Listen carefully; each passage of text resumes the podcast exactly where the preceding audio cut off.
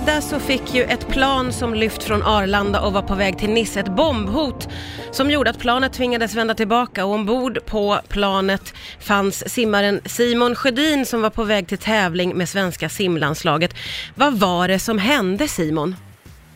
Nej, vi fick ett eh, meddelande från eh, cockpiten att vi var tvungna att vända tillbaka till Stockholm på grund av ett hot mot planet. Så att, eh, det var den enda information vi fick när vi satt där uppe på, på den höga höjden. Och var, hur var stämningen ombord på planet när ni fick den informationen? Nej, vi hörde inte riktigt. Det var ganska dåliga högtalare så vi förstod inte. Så vi snackade oss fram till att det var ett, ett hot mot planet. Och det var spekulationen började vad som kunde ske. Liksom. Och direkt så tänkte man väl på att det var, fanns en bomb ombord eller, eller något liknande. Va, vad kände du då? Det måste ha varit otroligt obehagligt.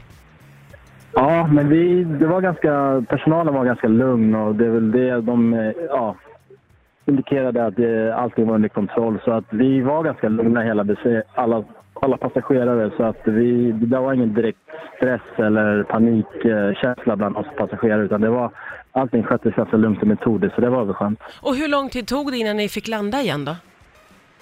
Eh, det var väl eh, 40 minuter typ. Oj, det är lång tid att sitta och vara orolig.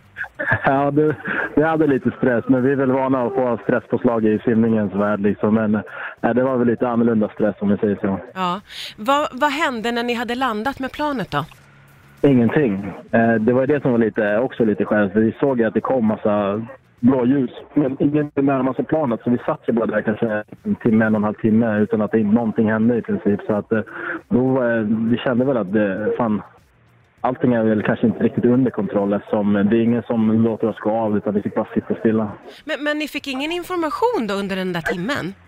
Eh, nej, eh, vi fick väl öppna våra webbläsare och läsa det ni läste på eh, Aftonbladet och Expressen och så liksom, utan vi fick väl ingen, ingen ytterligare information.